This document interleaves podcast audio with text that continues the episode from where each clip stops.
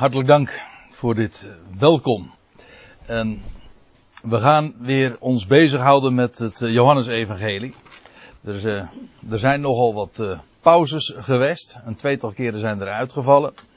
En de frequentie was al minder geworden. Dus ja, op deze manier gaat de voortgang niet al te snel in het Johannesevangelie. Maar wel zeker. Inmiddels dus de vierde studie over het Johannesevangelie. En we zijn nog steeds in het eerste hoofdstuk. En ik vermoed dat we vanavond daar ook niet uh, uit uh, dat hoofdstuk gaan verlaten. Nou ja, als het even een beetje mee zit, komen we wel tot het einde van het hoofdstuk. We zullen zien. En wellicht is het nuttig om het even nog terug te blikken op de voorgaande keren. Nou, vooral op de voorgaande keer. Wat we gezien hebben, dat waren de eerste drie besprekingen zeg je nou goed? Uh, de eerste twee besprekingen hebben we ons bezig gehouden met de proloog. Nou, ineens ga ik aarzelen of dit inderdaad wel de vierde keer is. Maar dat moet haast wel. Maar goed, uh, toch wel, ja. Nou, in elk geval. En één keer. De vorige keer was 23 april, toen waren wij er niet. Ah, dan klopt het dus toch. Oké. Okay. De eerste twee keren hebben we ons bezig gehouden met de proloog, met de eerste 18 versen. Het woord dat van den beginnen was en dat vlees geworden is. En dan zijn we inmiddels in het 14e vers waar dat beschreven wordt. Toen hebben we ons bezig gehouden, en dat was de vorige keer dus, dat was de derde keer, met de versen 19 tot en met 28. Nou ja, in dat gedeelte wordt er gesproken over een delegatie die vanuit Jeruzalem komt. En die gaan Johannes, dat wil zeggen Johannes de Doper. Dat moet ik er even bij zeggen, want we komen nogal wat Johannessen alleen al in het eerste hoofdstuk tegen. En die allemaal verschillend zijn van elkaar. Daarover straks trouwens nog even meer. Een delegatie uit Jeruzalem die ondervraagt Johannes. Dat wil zeggen, in vers 19 tot en met 23 lezen we dan dat priesters en levieten, die hoorden in ieder geval bij die delegatie, die doen navraag naar Johannes' identiteit. Wie ben jij nu eigenlijk? En daar worden verschillende suggesties voorgedragen. Ik wil er trouwens nog even op wijzen. Ik weet niet of, of ik dat de vorige keer toen gedaan heb. Maar als uh, hier staat dat priesters en levieten dan navraag doen naar zijn identiteit, dan moet u zich realiseren dat Johannes de doper zelf ook een leviet was. En uit een priesterlijk geslacht, want zijn vader was uh, een priester die ooit dienst deed in de tempel. Zacharias, weet u wel, en de echtgenoot van Elisabeth. Dus Johannes was zelf, kwam uit die orde, uit die stam of uit dat priesterlijke geslacht. En dus de navraag die zij doen naar zijn identiteit is niet zo vreemd, want dat is wat juist hen ook zo interesseerde. En Johannes geeft ook antwoord daarop. We hebben het daarover gehad. En dan zijn het vervolgens, en dat lezen we in vers 24 tot en met 28, fariseeën die navraag doen naar het, zijn motief om te dopen in water. We hebben daarbij al aangetekend dat dopen, het fenomeen van onderdompelen en wassingen, een heel bekend en zelfs een heel essentieel, elementair, of uh, met de woorden van Hebreeën 6 zelfs, een fundamenteel gegeven was binnen het Jodendom, binnen Israël. Dat vond uh, dikwijls plaats om bij allerlei gelegenheden. Alleen het bijzondere van Johannes optreden was, niet alleen maar dat het sterk deed denken aan, aan Elia, zijn hele optreden, zijn hele voorkomen zelfs, aan Elia, maar ook de wijze waarop hij doopte. Nee, waarop hij de doop predikte. Hij predikte de doop der bekering, staat er dan. Maar hij werd ook genoemd de doper. En dat was bijzonder, want uh, wat men bekend, kende binnen het Jodendom en binnen Israël is dat mensen zichzelf doopten. Ze, ze doopten zichzelf, alleen wat Johannes deed, hij doopte anderen. Hij, hij was dus een doper en dat fenomeen was nieuw. En vandaar ook dat hij genoemd werd Johannes de doper. Dat kende men niet. Dat was een heel nieuw gegeven. Maar het had er alles te maken dus met het feit dat hij de Messias, zijn neef, aankondigde. iedere keer, en dat is heel karakteristiek van dit hele eerste hoofdstuk, ook al in de proloog, dat Johannes niet het licht was, hij is niet de Messias, hij is om te getuigen daarvan en hij, hij zegt ook, ik ben een wegbereider van de Heer.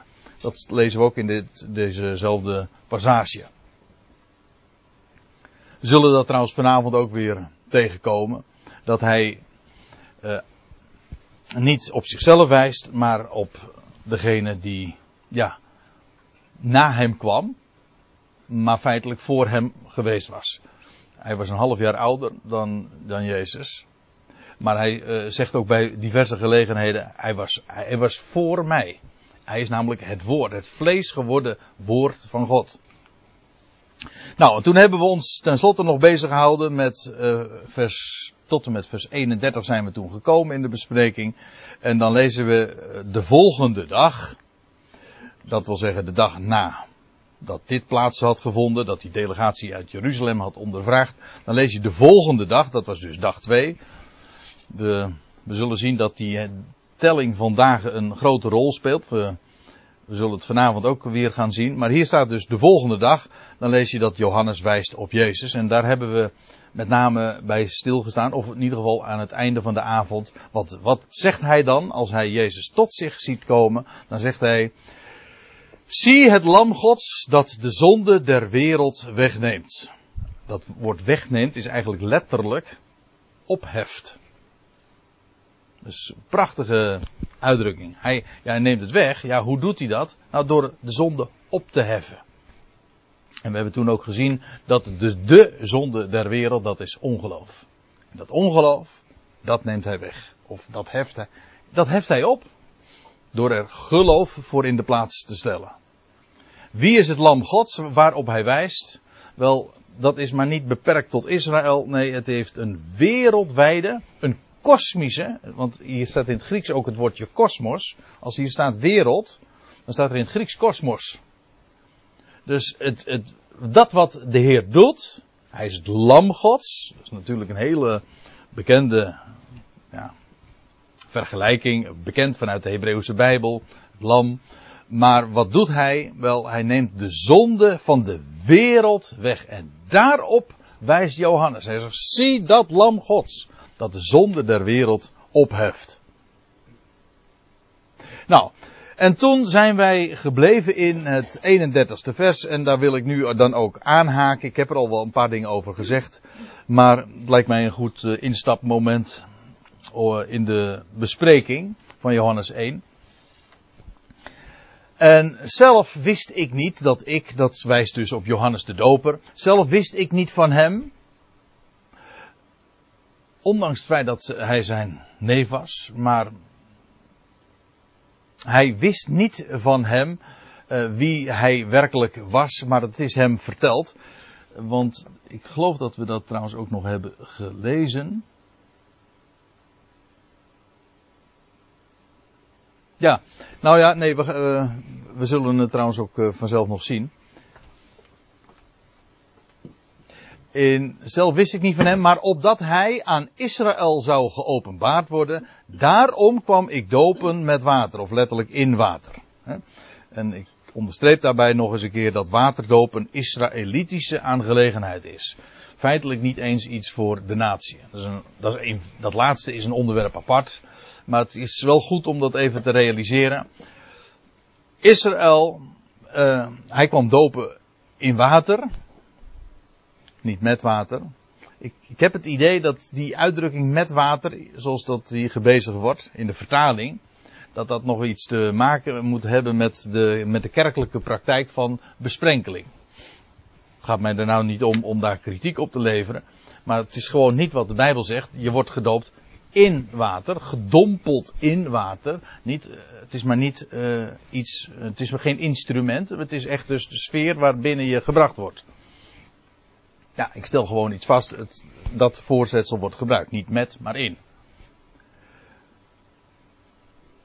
Daartoe doopte hij dus vanwege Israël. Israël kende dat.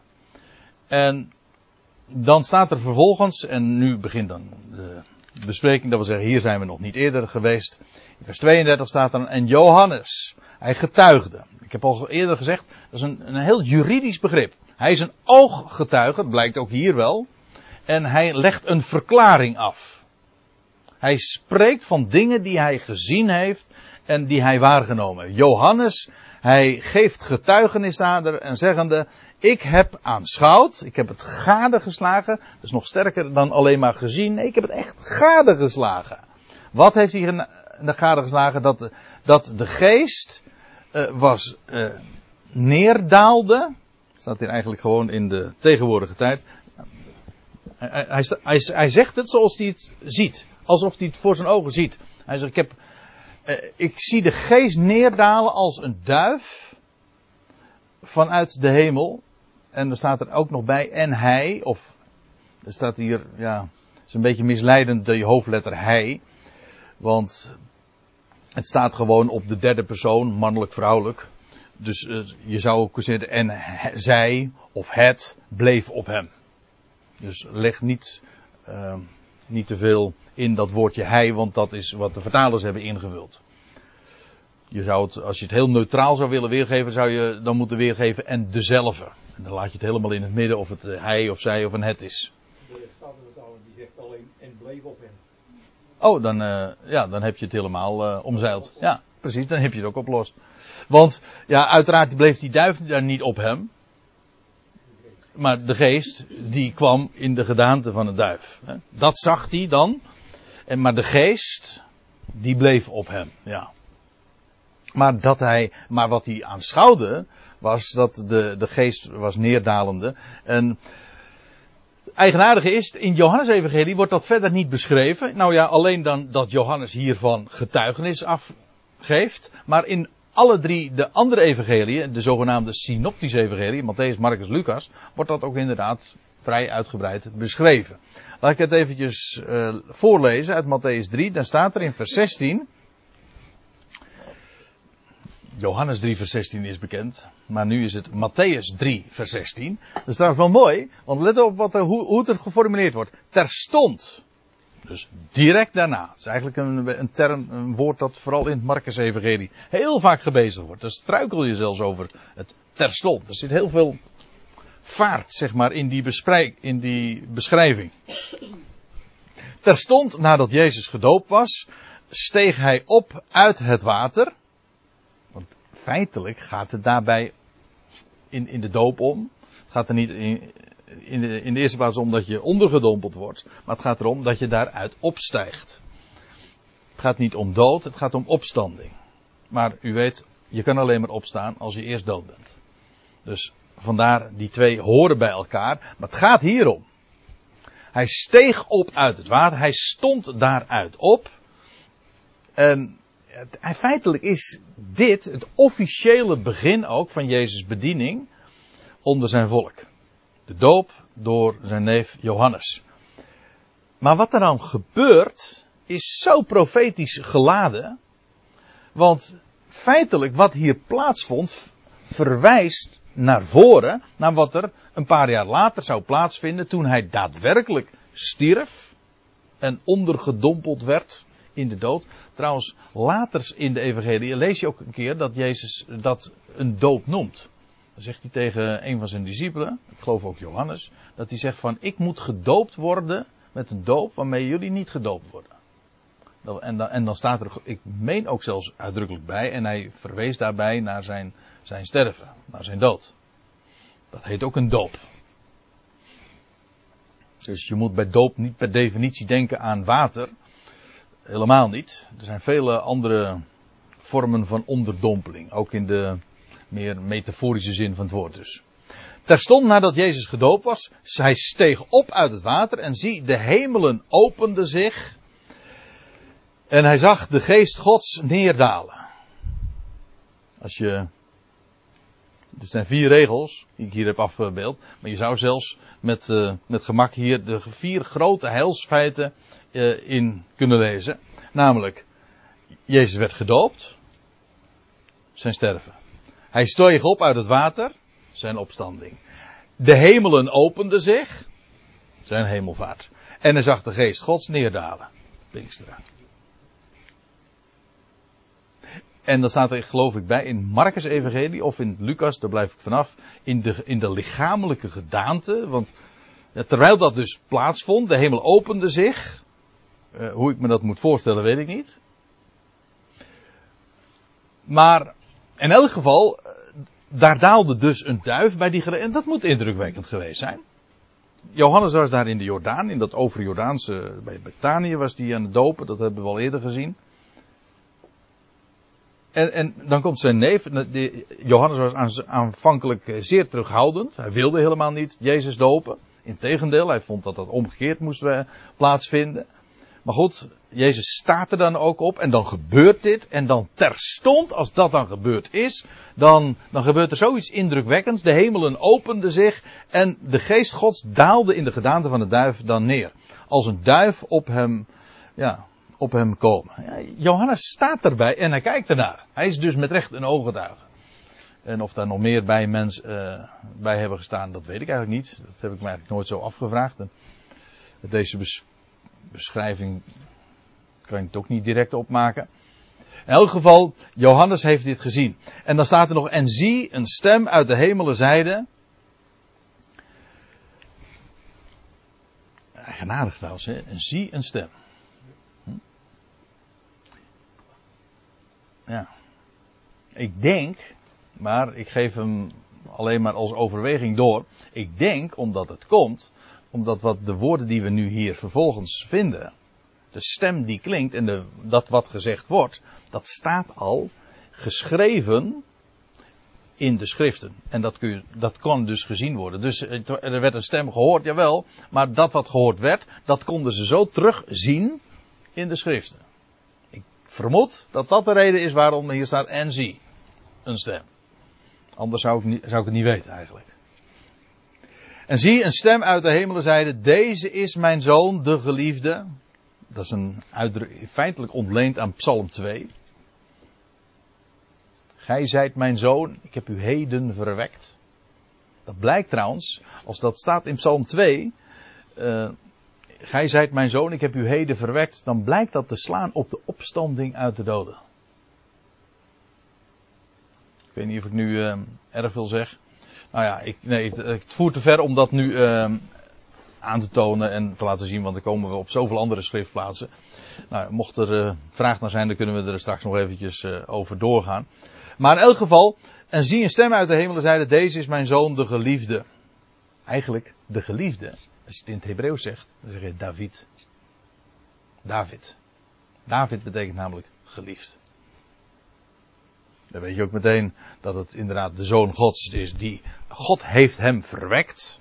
Ook, dus ook heel dubbelzinnig. Uit Maria, maar ook uit de doden. Maar ook hij is de Davidische koning. De opgestane. Hij die stierf, maar wat meer is, die opgewekt is uit de doden. In wie ik mijn welbehagen heb. Ja. Nou, Johannes heeft dat dus gezien. En dus als Johannes zegt, ik heb aanschouwd en hij getuigde dat de geest neerdaalde als een duif uit de hemel en bleef op hem. Dan is dat inderdaad een ooggetuigenverslag van Johannes zelf. En zegt Johannes dan, ik kende hem niet.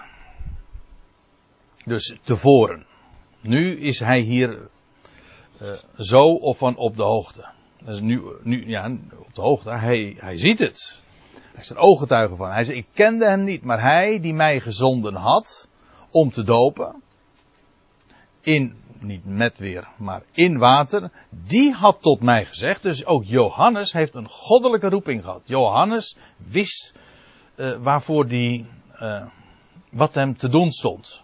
Eigenlijk was dat vanaf de aanvang al duidelijk, want ja, ooit had een boodschapper zijn vader al aangesproken wat hij zou gaan doen. En dus Johannes is vanaf zijn geboorte ook, lees je, uh, was hij vol van Gods geest. Een bijzondere man natuurlijk, een bijzondere roeping.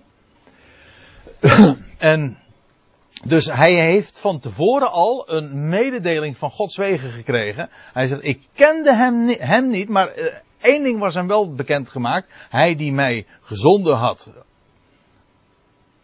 om te dopen in water. Die zei tot mij, op wie gij de geest ziet neerdalen en op hem blijven, deze is het die met de Heilige Geest doopt. Dus hem was al wel iets te verstaan gegeven dat als je op iemand de geest ziet neerdalen, wel, en op hem blijven, wel, dan weet je, dit is het, dit is degene die, uh, wiens weg jij bereidt. Die met de Heilige Geest doopt. Ook hier dus trouwens weer, die in Heilige Geest doopt. Niet eens de geest. Ja, we hebben natuurlijk heel sterk. Ik had juist van de week nog een gesprekje met iemand daarover. Over de wijze waarop we Heilige Geest altijd opschrijven. En zoals we dat lezen, staat er de Heilige Geest. En heilig staat dan met een, een hoofdletter en geest ook. En dat doe je eigenlijk alleen maar bij eigennamen. Maar dat komt ook omdat men denkt bij de Heilige Geest als een aparte persoon in de Godheid. En daarom schrijft men dat met een hoofdletter. Als het uh, daarentegen de, de Heilige Geest, God, de, de geest van de Allerhoogste is, de, ik bedoel de, de kracht van de Allerhoogste, dan kom je niet op dat idee, aan een aparte persoonlijkheid te denken.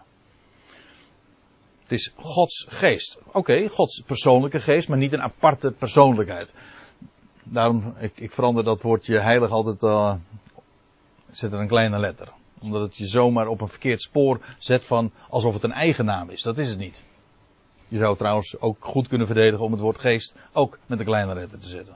Dat is geen oneerbiedigheid.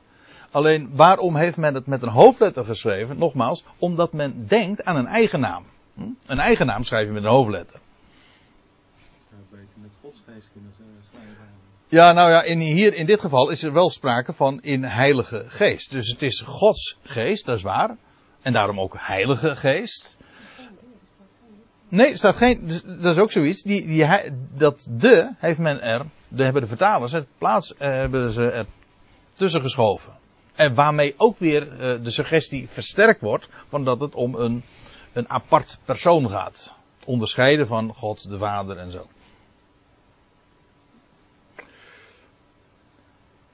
Maar hij, hij is het die in heilige geest doopt. Hier zie je dus meteen wat ik al eerder even probeerde aan te geven. Namelijk dat dopen uh, niet per definitie gelieerd is aan water. Dat is eigenlijk alleen maar, alleen maar, dat klinkt wat kleinerend. En, maar ik bedoel dit te zeggen. Dat is niet waar het om gaat. Dopen in water is een type. Maar dat verwijst naar veel grotere dingen. Naar geestelijke zaken. Letterlijk geestelijke zaken. Dat water is een beeld van geest. En Johannes, is een doper. Ja, hij zegt maar, na mij komt iemand op wie de geest neerdaalt. En, maar daar blijft hij ook op. En maar bovendien, die krijgt zoveel. Die zal ook vervolgens anderen dopen in geest. Waarna vervolgens de vraag is. Wat is de christelijke doop? En dan zegt men, dat is een doop in water. Dat kan dus niet. De christelijke doop het is opmerkelijk, ik wijs er hier in deze, op deze dia ook al even op. Zes keer wordt notabene in het Nieuwe Testament, ik heb alle schriftplaatsen er even bij vermeld, waar gewezen wordt op dit contrast. Dat Johannes zegt, ik doop in water, maar hij die na mij komt, wiens weg ik bereid, hij is het die in Heilige Geest doopt. Johannes is een doper in water, maar hij, die na mij komt, is een doper in geest. Een geestelijk doper dus. En daar komt geen druppelwater aan te pas. Dit is dus de echte doop. Het andere is slechts het type. Het beeld. En zoals gezegd, uh, zes keer notabene wordt daarop gewezen. Dus dit is een heel fundamenteel, elementair gegeven. Dat er zo dikwijls op, uh, in het Nieuwe Testament naar verwezen wordt. Naar, of gewezen wordt op dit feit. Christus is de doper in geest. De christelijke doop, ik kan het niet genoeg benadrukken, is een, de christelijke doop is een geestelijke doop. Zodat daarmee ook meteen de hele kwestie van is het nou besprenkeling of is het onderdompeling ook een stuk minder uh, belangrijk ineens wordt. Want eigenlijk maakt het niet zoveel uit. Ik wijs er wel op dat het in water is hoor en in geest. Natuurlijk, dat staat er. Maar voor ons maakt het feitelijk niet eens zoveel uit. En het is de apostel der natie die ooit zei van. Hij verontschuldigt zich min of meer als die, uh, dat hij bij gelegenheid een aantal mensen gedoopt heeft. Maar hij zegt, de Heer heeft mij niet gezonden om te dopen. Maar om het evangelie te vertellen. Te verkondigen. Ja, natuurlijk. Nou, uh, ga je gang. Nou, Als het niet te ver afwijkt van het onderwerp. Nee, helemaal niet. Doop in water, ik- daar heb ik ooit van geleerd, dat is eigenlijk een onderdompeling in de dood. Ja. En doop in geest is dus eigenlijk leven. Dus zit dat verhaal er dan ook in bij Johannes? Ehm, Jezus, dat de een, Jezus moest ook gedoopt worden in, in water, dus dood. ja. Maar wij worden gedoopt in geest, dus in feite In leven. leven. Ja. Ja, hoewel. Ik, ik, eh, ik ga daarin mee, dat, ik ben het er ook helemaal mee eens, omdat geest is in feitelijk in de Bijbel ook synoniem voor leven. De geest ontvangen is leven ontvangen. En toen de Heer, ik bedoel, toen de Heer dood was in het graf, toen was het Gods geest die hem levend maakte. Dus hij werd, dus hij ontving geest en daarmee dus leven. Maar dan ook echt leven met allemaal hoofdletter, omdat het opstandingsleven is. Eh, ik aarzel een klein beetje, omdat ook dat die gedachte van opstanding al in die doop van Johannes ook al eh, gelegen is. Ik liet het net al even zien. Hè? Hij stond op uit het water en toen daalde de geest op hem neer. Hè? Nadat hij eerst gaat, uit het water. Ja, precies ja. Ja, dus hij werd, hij werd gedoopt. En, oh, ah, wacht even. Ik, nu denk ik dat je eh, eh, helemaal begrijpt. Dus dat het beeld van die doop in geest, dat dat begint eigenlijk met opstanding. Ja. ja. Toen kreeg hij de geest. Nadat hij uit het water opgestaan was. Ja. Ja. Ja, de betekenis. eh, het heeft denk ik nog eh, wel meer kanten in Romeinen 6. Dan lees je over eh, dat Paulus. Paulus spreekt natuurlijk nog wel eens een keer over de doop. Ja, één keer slechts over waterdoop in de Korinthebrief. Maar hij spreekt in Galaten 3 over de doop. Hij zegt. Eh, zoveel dan in Christus gedoopt zijn, die zijn met Christus ook bekleed. En dan, dat is een doop in Christus. En het is opmerkelijk hoe, eh, lees het maar eens na in de commentaren, hoe men altijd maar eh, denkt, als, als, als, als Paulus zegt gedoopt in Christus, oh dan bedoelt hij de waterdoop. Nou weet u wat ik denk dat het betekent? Een doop in Christus. dat is precies al wat er staat. In wat voor stof zijn we gedoopt? Stof tussen aanhalingstekens. Nou, Christus, in, in Hem zijn we ondergedompeld, zodat we één gemaakt zijn met Hem.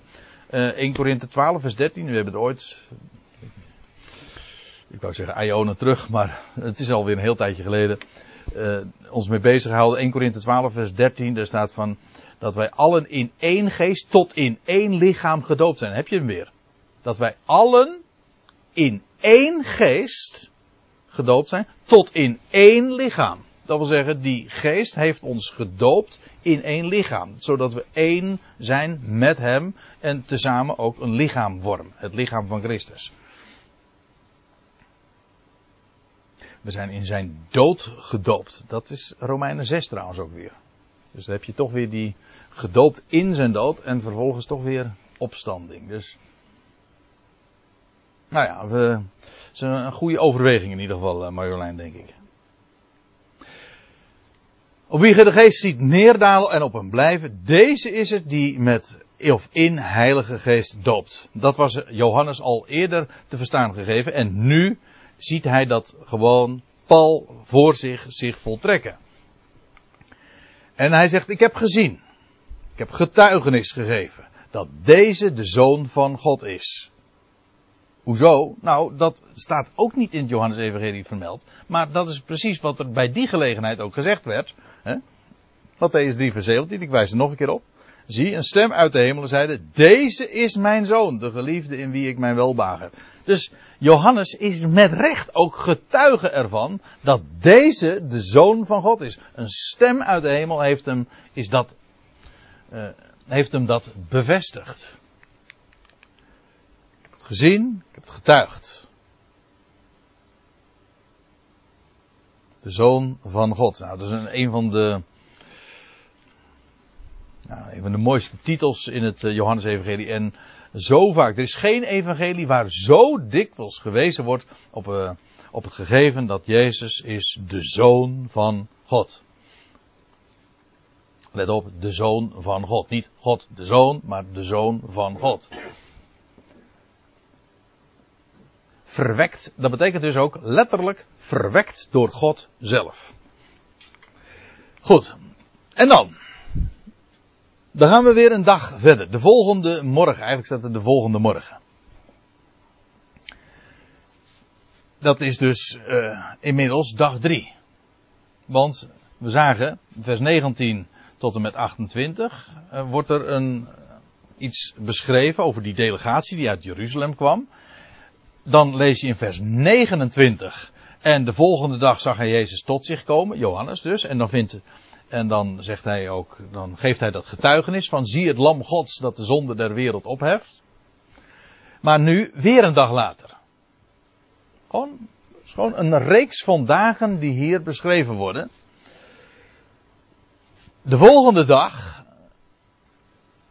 Oh ja, dat is trouwens ook wel even dan opmerkelijk. Deze dagen worden dus gelinkt aan Johannes optreden. Dat begint dus al in vers 19 bij die delegatie. Dat was dus eergisteren, om zo te zeggen. Gisteren wees hij op het lam gods dat de zonde der wereld wegneemt. En dat die doop ook plaatsvond. Of niet, ja, dat hij getuige, getuige is van die doop van de Heer Jezus. En nu, een dag later, de volgende morgen, stond Johannes daar weer. Ja, wat deed hij daar? Nou, hij was, hij was daar aan het dopen. Dus hij stond daar weer. Met, staat er, uh, twee van zijn discipelen. Want ook Johannes had discipelen. We lezen daar later ook nog weer over in uh, Johannes 3. We zullen dat uh, veel later zullen we dat nog wel bespreken als er een discussie ontstaat tussen de discipelen van Johannes en de fariseeën geloof ik. De schriftgeleerden weet ik veel. Wat was het ook alweer?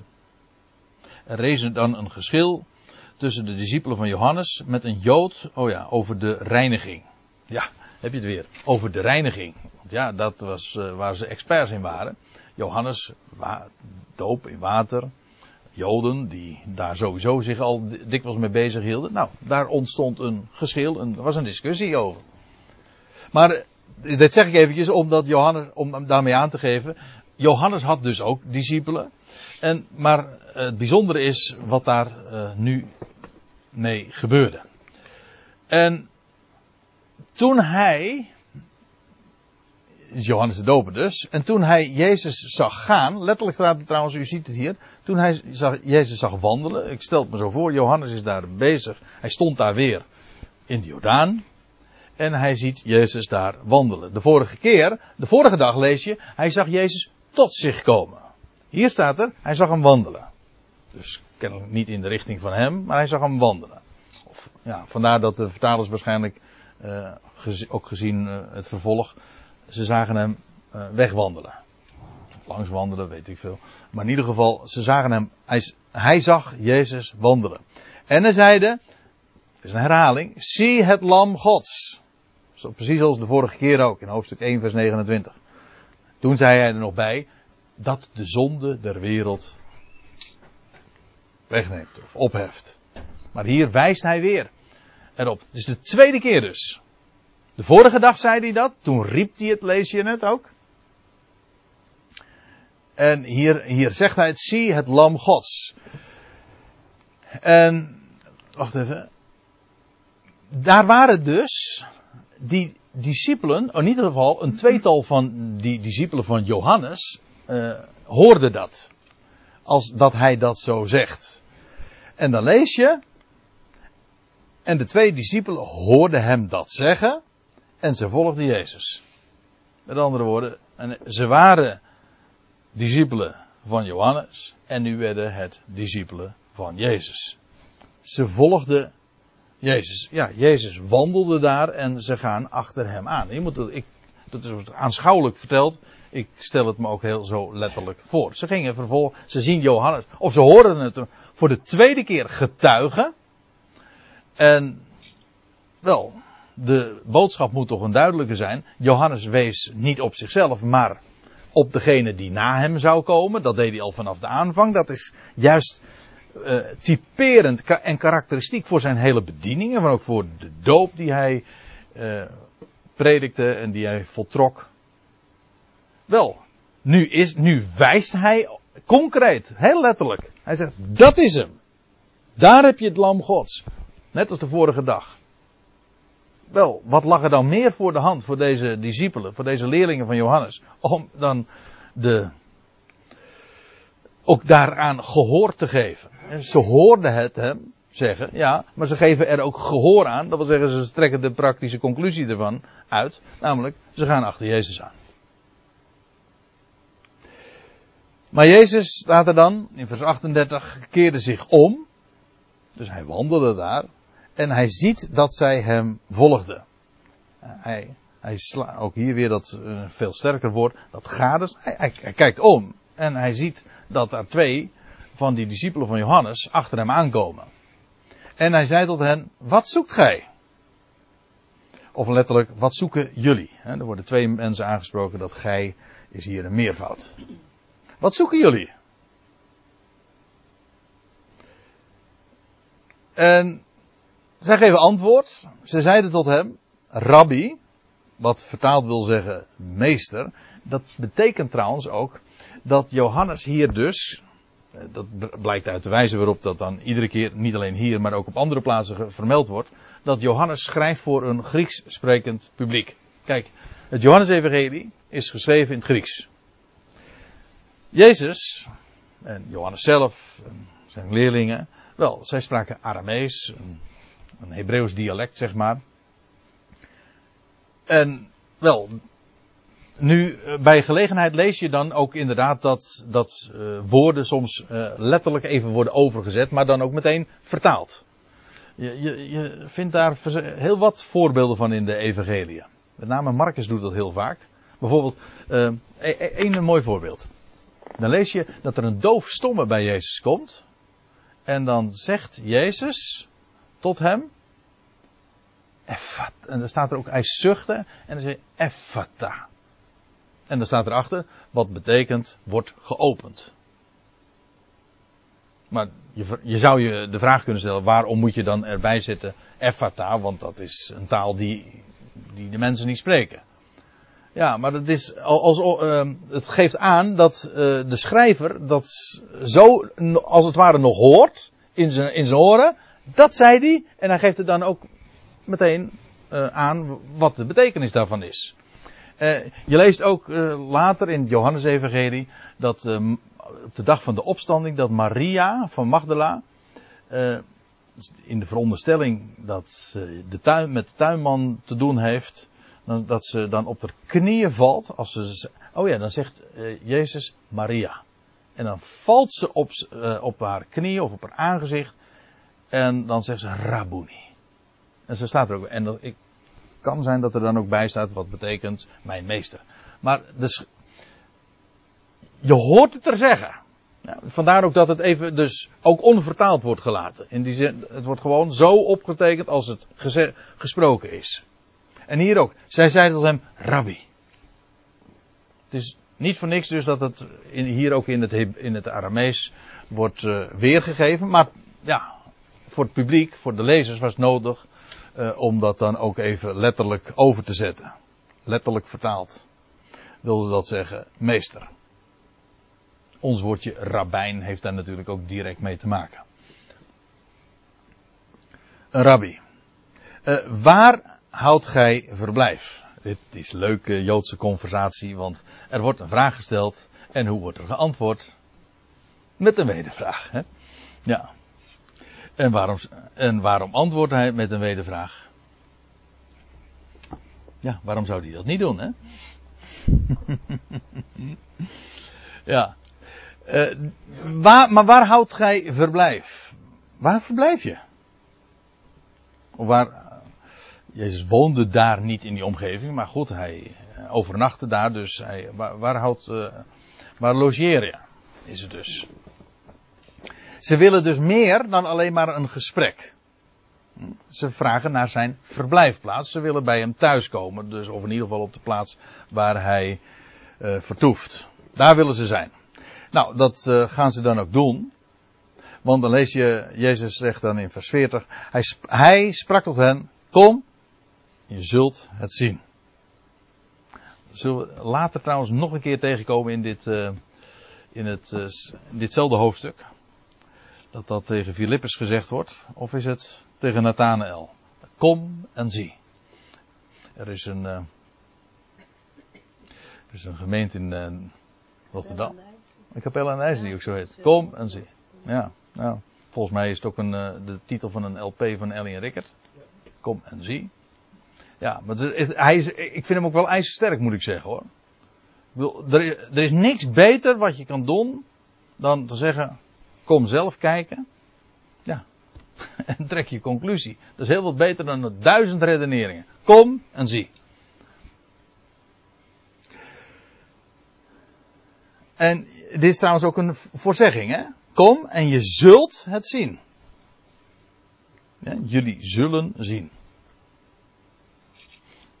Dat betekent niet jullie moeten zien. Ik weet dat gij zult meestal zo opgevat worden. Gij, je moet dat. Nee, het is een voorzegging. Jullie zullen het zien. En trouwens, uh, dat is ook nog wel mooi.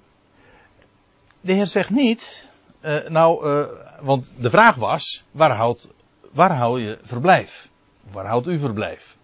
Dan had de Heer kunnen zeggen, nou, dan moet je wezen op uh, Stienplaats 17, waar ik zelf woon. Het adres. Nee, hij zegt, kom en je zult het zien. En het doet mij denken aan diverse andere passages, geschiedenissen. Wat we lezen van Abraham. Hij werd geroepen. Staat in Hebreeën 11, ja, hier vers 8. Dat hij werd geroepen.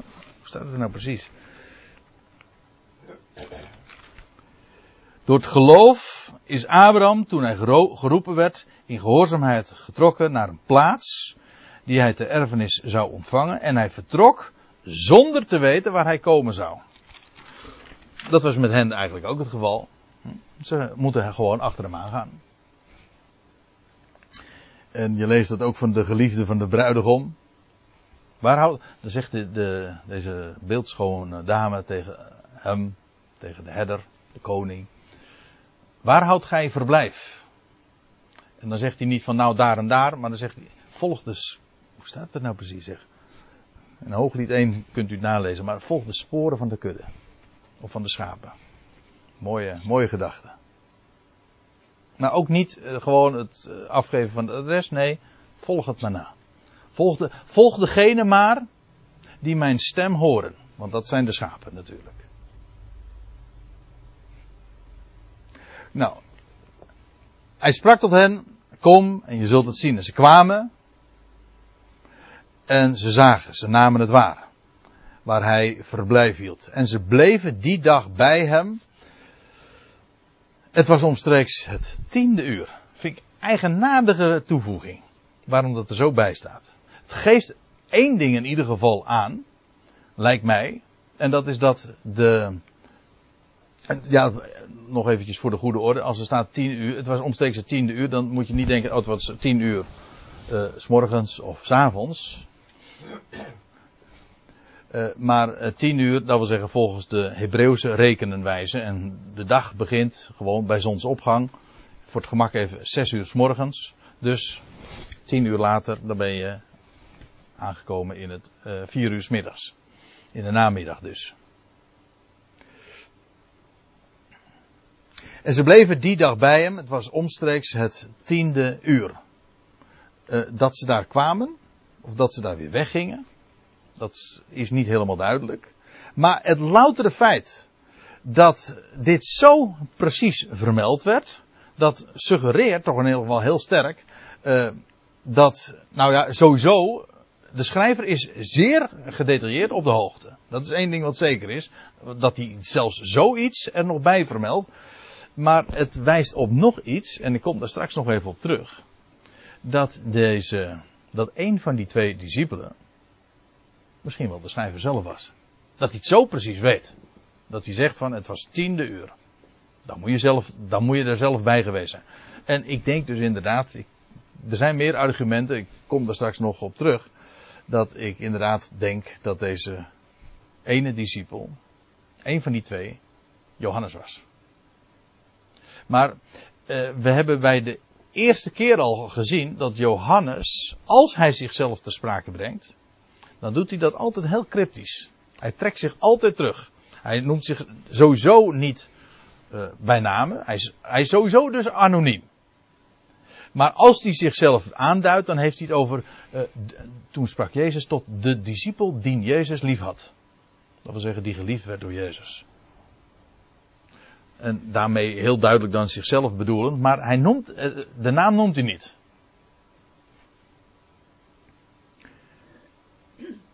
En Nou, laten we even verder lezen. Misschien dat ik nog uh, later even terugkom op de, dat, dat getal 10. Maar even nu laat ik dat. Eén ding is duidelijk, de getuige, degene die dit zo optekent, die weet dat met, precisie dus te vermelden. Het was het tiende, het was omstreeks het tiende uur. Eén van de twee discipelen, waarvan hier sprake is, die weten we in ieder geval bij name. Die kennen we bij naam, want dat wordt hier zo vermeld een figuur waar ik me heel verwant mee voel, al was het maar vanwege zijn naam, namelijk Andreas. En uh, trouwens met die andere ook, want die heette Petrus. En dat is mijn achternaam. Uh, ik ken een broeder die uh, uit, ja, sommigen van u herkennen misschien nog wel, Johannes in het veld. Die een oude, oude broeder, die, die zei altijd tegen mij Andreas Petros. ja. Andreas, een naam waar ik. De, de, eerste keer dat ik hoorde wat dat betekende. Er was een predikant. Een, een, goede vriend van mijn ouders. En die man die, was, uh, die gaf, doseerde ook Grieks en Latijn. En de antieke, de klassieke talen. En toen uh, kwam hij in Aalsmeer als predikant. En toen maakte hij kennis met mijn ouders. En toen stelde ik mezelf voor. Toen was nog een ventje van een jaar of. Goh, wat zal ik geweest zijn? 7, 8 of zo. En toen zei, en toen zei ik mijn naam en ik zei André. En toen, hij was nogal een, hoe zeg je dat? Een, nou ja, in ieder geval, hij keek mij wat dromerig aan, dat weet ik dus ook nog. zoveel jaren later. En toen zei hij, And, André, dat is een mooie naam, zegt hij. dat komt van het Griekse andros en dat betekent mannelijk, sterk, dapper. ja, dat vergeet ik nooit meer. Nee, die, nee, nee aan dominee Prins heb ik hele goede herinneringen. Zo heette die man, dominee Prins. En uh, ja, sommige mensen denken dat ik alleen maar uh, lelijk over predikanten kan spreken, maar dat is dus niet waar, hè? heb ik bij deze bewezen. Een hele liefelijke man. Uh, en dat was niet alleen maar omdat hij zo iets moois over mijn naam zei. Maar, oh, oké, okay, Andreas heette een van die twee. Hij, en hij wordt dan genoemd, geïntroduceerd als de broeder van Simon Petrus, want Andreas heeft altijd erg in de, de schaduw gestaan van zijn broer. En kennelijk, Simon Petrus was bekend. Dat hij dus ook zo genoemd, Andreas, de broer van Simon Petrus. En die was een van de twee die het van Johannes gehoord hadden en hem gevolgd waren. Ja, daar moet ik er trouwens nog iets bij zeggen. Want als je in de andere evangelie leest, dan staat er, zo, dat, dat wordt ook in alle drie de synoptische evangelie vermeld, zowel in Matthäus, in Marcus en Lucas, dan worden ze bij een latere gelegenheid pas geroepen. In, in Matthäus 4 lees je, we kennen dat, uh, die geschiedenis misschien wel, dat, dat is dan inmiddels aan het meer van Galilea, dat ze aan het werk zijn, uh, als vissers. En dat Jezus dan langskomt en dan zegt hij, volg mij. Ik zal je maken tot vissers van mensen. En dan laten ze hun netten achter zich en dan gaan ze achter Jezus aan. Dat, dat klinkt, als je dat dan zo leest in Matthäus en Marcus en Lucas, dan is dat, komt wat vreemd over. Want gaan ze zomaar achter een wildvreemde aan die, die zegt van volg mij. Nee, maar zo is het ook niet. Ze kenden hem al ze zijn gewoon weer aan het werk gegaan. Dit is wat hier vermeld wordt in Johannes 1. Dat is een eerste ontmoeting met hem. Maar ze zijn kennelijk gewoon daarna weer aan het werk gegaan. En pas bij een latere gelegenheid, niet, niet veel later, zijn ze ook daadwerkelijk geroepen om hun werk achter eh, te laten en, en werkelijk ook met Jezus eh, dagelijks op te trekken. Dus dat zijn twee verschillende dingen. Dit, dit is dus de eerste kennismaking van Andreas, de broer van Simon Petrus, met, met Jezus. Maar Andreas was dus een discipel eerder van Johannes de Doper. En deze vond eerst zijn broeder Simon. Ja. Dit. Kijk, hij gaat dus naar zijn broer Simon Petrus. Hij heet nu hier nog steeds trouwens Simon. Vandaar ook dat het ook zo genoemd wordt. Simon. Maar deze vond eerst zijn broeder Simon. Wat betekent dat nou? Even dat woordje eerst. Als je het zo leest. Dat suggereert dat deze, deze ene discipel, die vond eerst zijn broeder. Met andere woorden, de ander vond daarna zijn broeder. Waarom anders dat woordje eerst? Dat suggereert toch dat er nog. eh, wie, wie vond dan eh, vervolgens zijn broeder? Nou, Het kan misschien ook zijn van, eh, ze vonden eerst, hij vond eerst zijn broeder en daarna Christus. Dat kan toch ook? eh, nou, maar die had hij al gevonden. Hij vond eerst zijn broeder. Ja, maar hij, hij, hij zegt, eh, en dan zegt hij, wij hebben gevonden de Messias. Dus die had hij al gevonden. Nee, dit geeft, als, als ik zo tussen de regels doorlees en, de, en je neemt die woorden en je laat ze op je inwerken, dan suggereert dat, we zagen dat zojuist al even, dat, eh, over dat tiende uur, dat suggereert ook van, hé, hey, dat weet de schrijver dan wel heel erg precies te vermelden. Was hij er soms zelf bij? En juist omdat zijn naam niet vermeld wordt en die andere wel, wijst dat juist in die richting. En hier ook weer, deze vond eerst zijn broeder de Simon. Met andere woorden, die andere, die vond later zijn broer. Want Andreas en Petrus waren broers, maar Johannes had ook nog een broer, en dit is een hele bekende, en dat was Jacobus. Dat waren de zonen van Zebedeus. Ja. Nou, en deze zei tot hem, wij hebben gevonden. Wij, dus wij beiden. Ik, ik zeg het nu maar eventjes. Wij, eh, Andreas en wellicht Johannes. Wij hebben gevonden de Messias, de gezalfde, de koning. Want u weet, Messias is gezalfd, maar dat betekent iemand wie werd gezalfd, een koning, een priester, een profeet.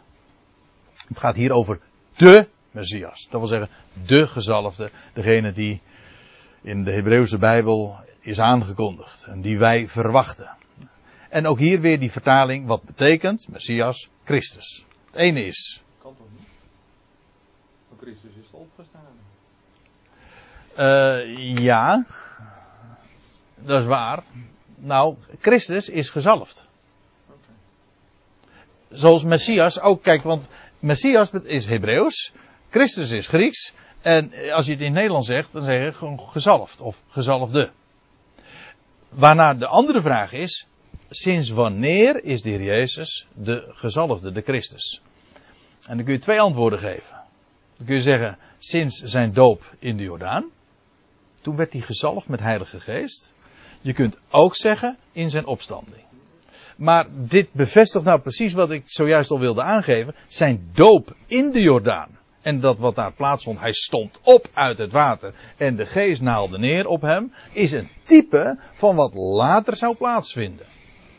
Eigenlijk, de Christus, ja, dat, de intimi zeiden dat wel, maar de Heer zei altijd tijdens zijn bediening op aarde, "Sst, mondje dicht. Als Petrus later dan zegt van, gij zijt de Christus, dan verbood hij nadrukkelijk om iemand tegen iemand dat, om dat al te zeggen, want dat was prematuur officieel, echt, voluit, werd hij pas de Christus inderdaad in zijn opstanding. En zijn doop in de Jordaan, en wat daar plaatsvond, is daar een type van. Maar ik zie dat het inmiddels al over negen is, dus ik stel voor dat we eerst even een kopje koffie gaan drinken met elkaar.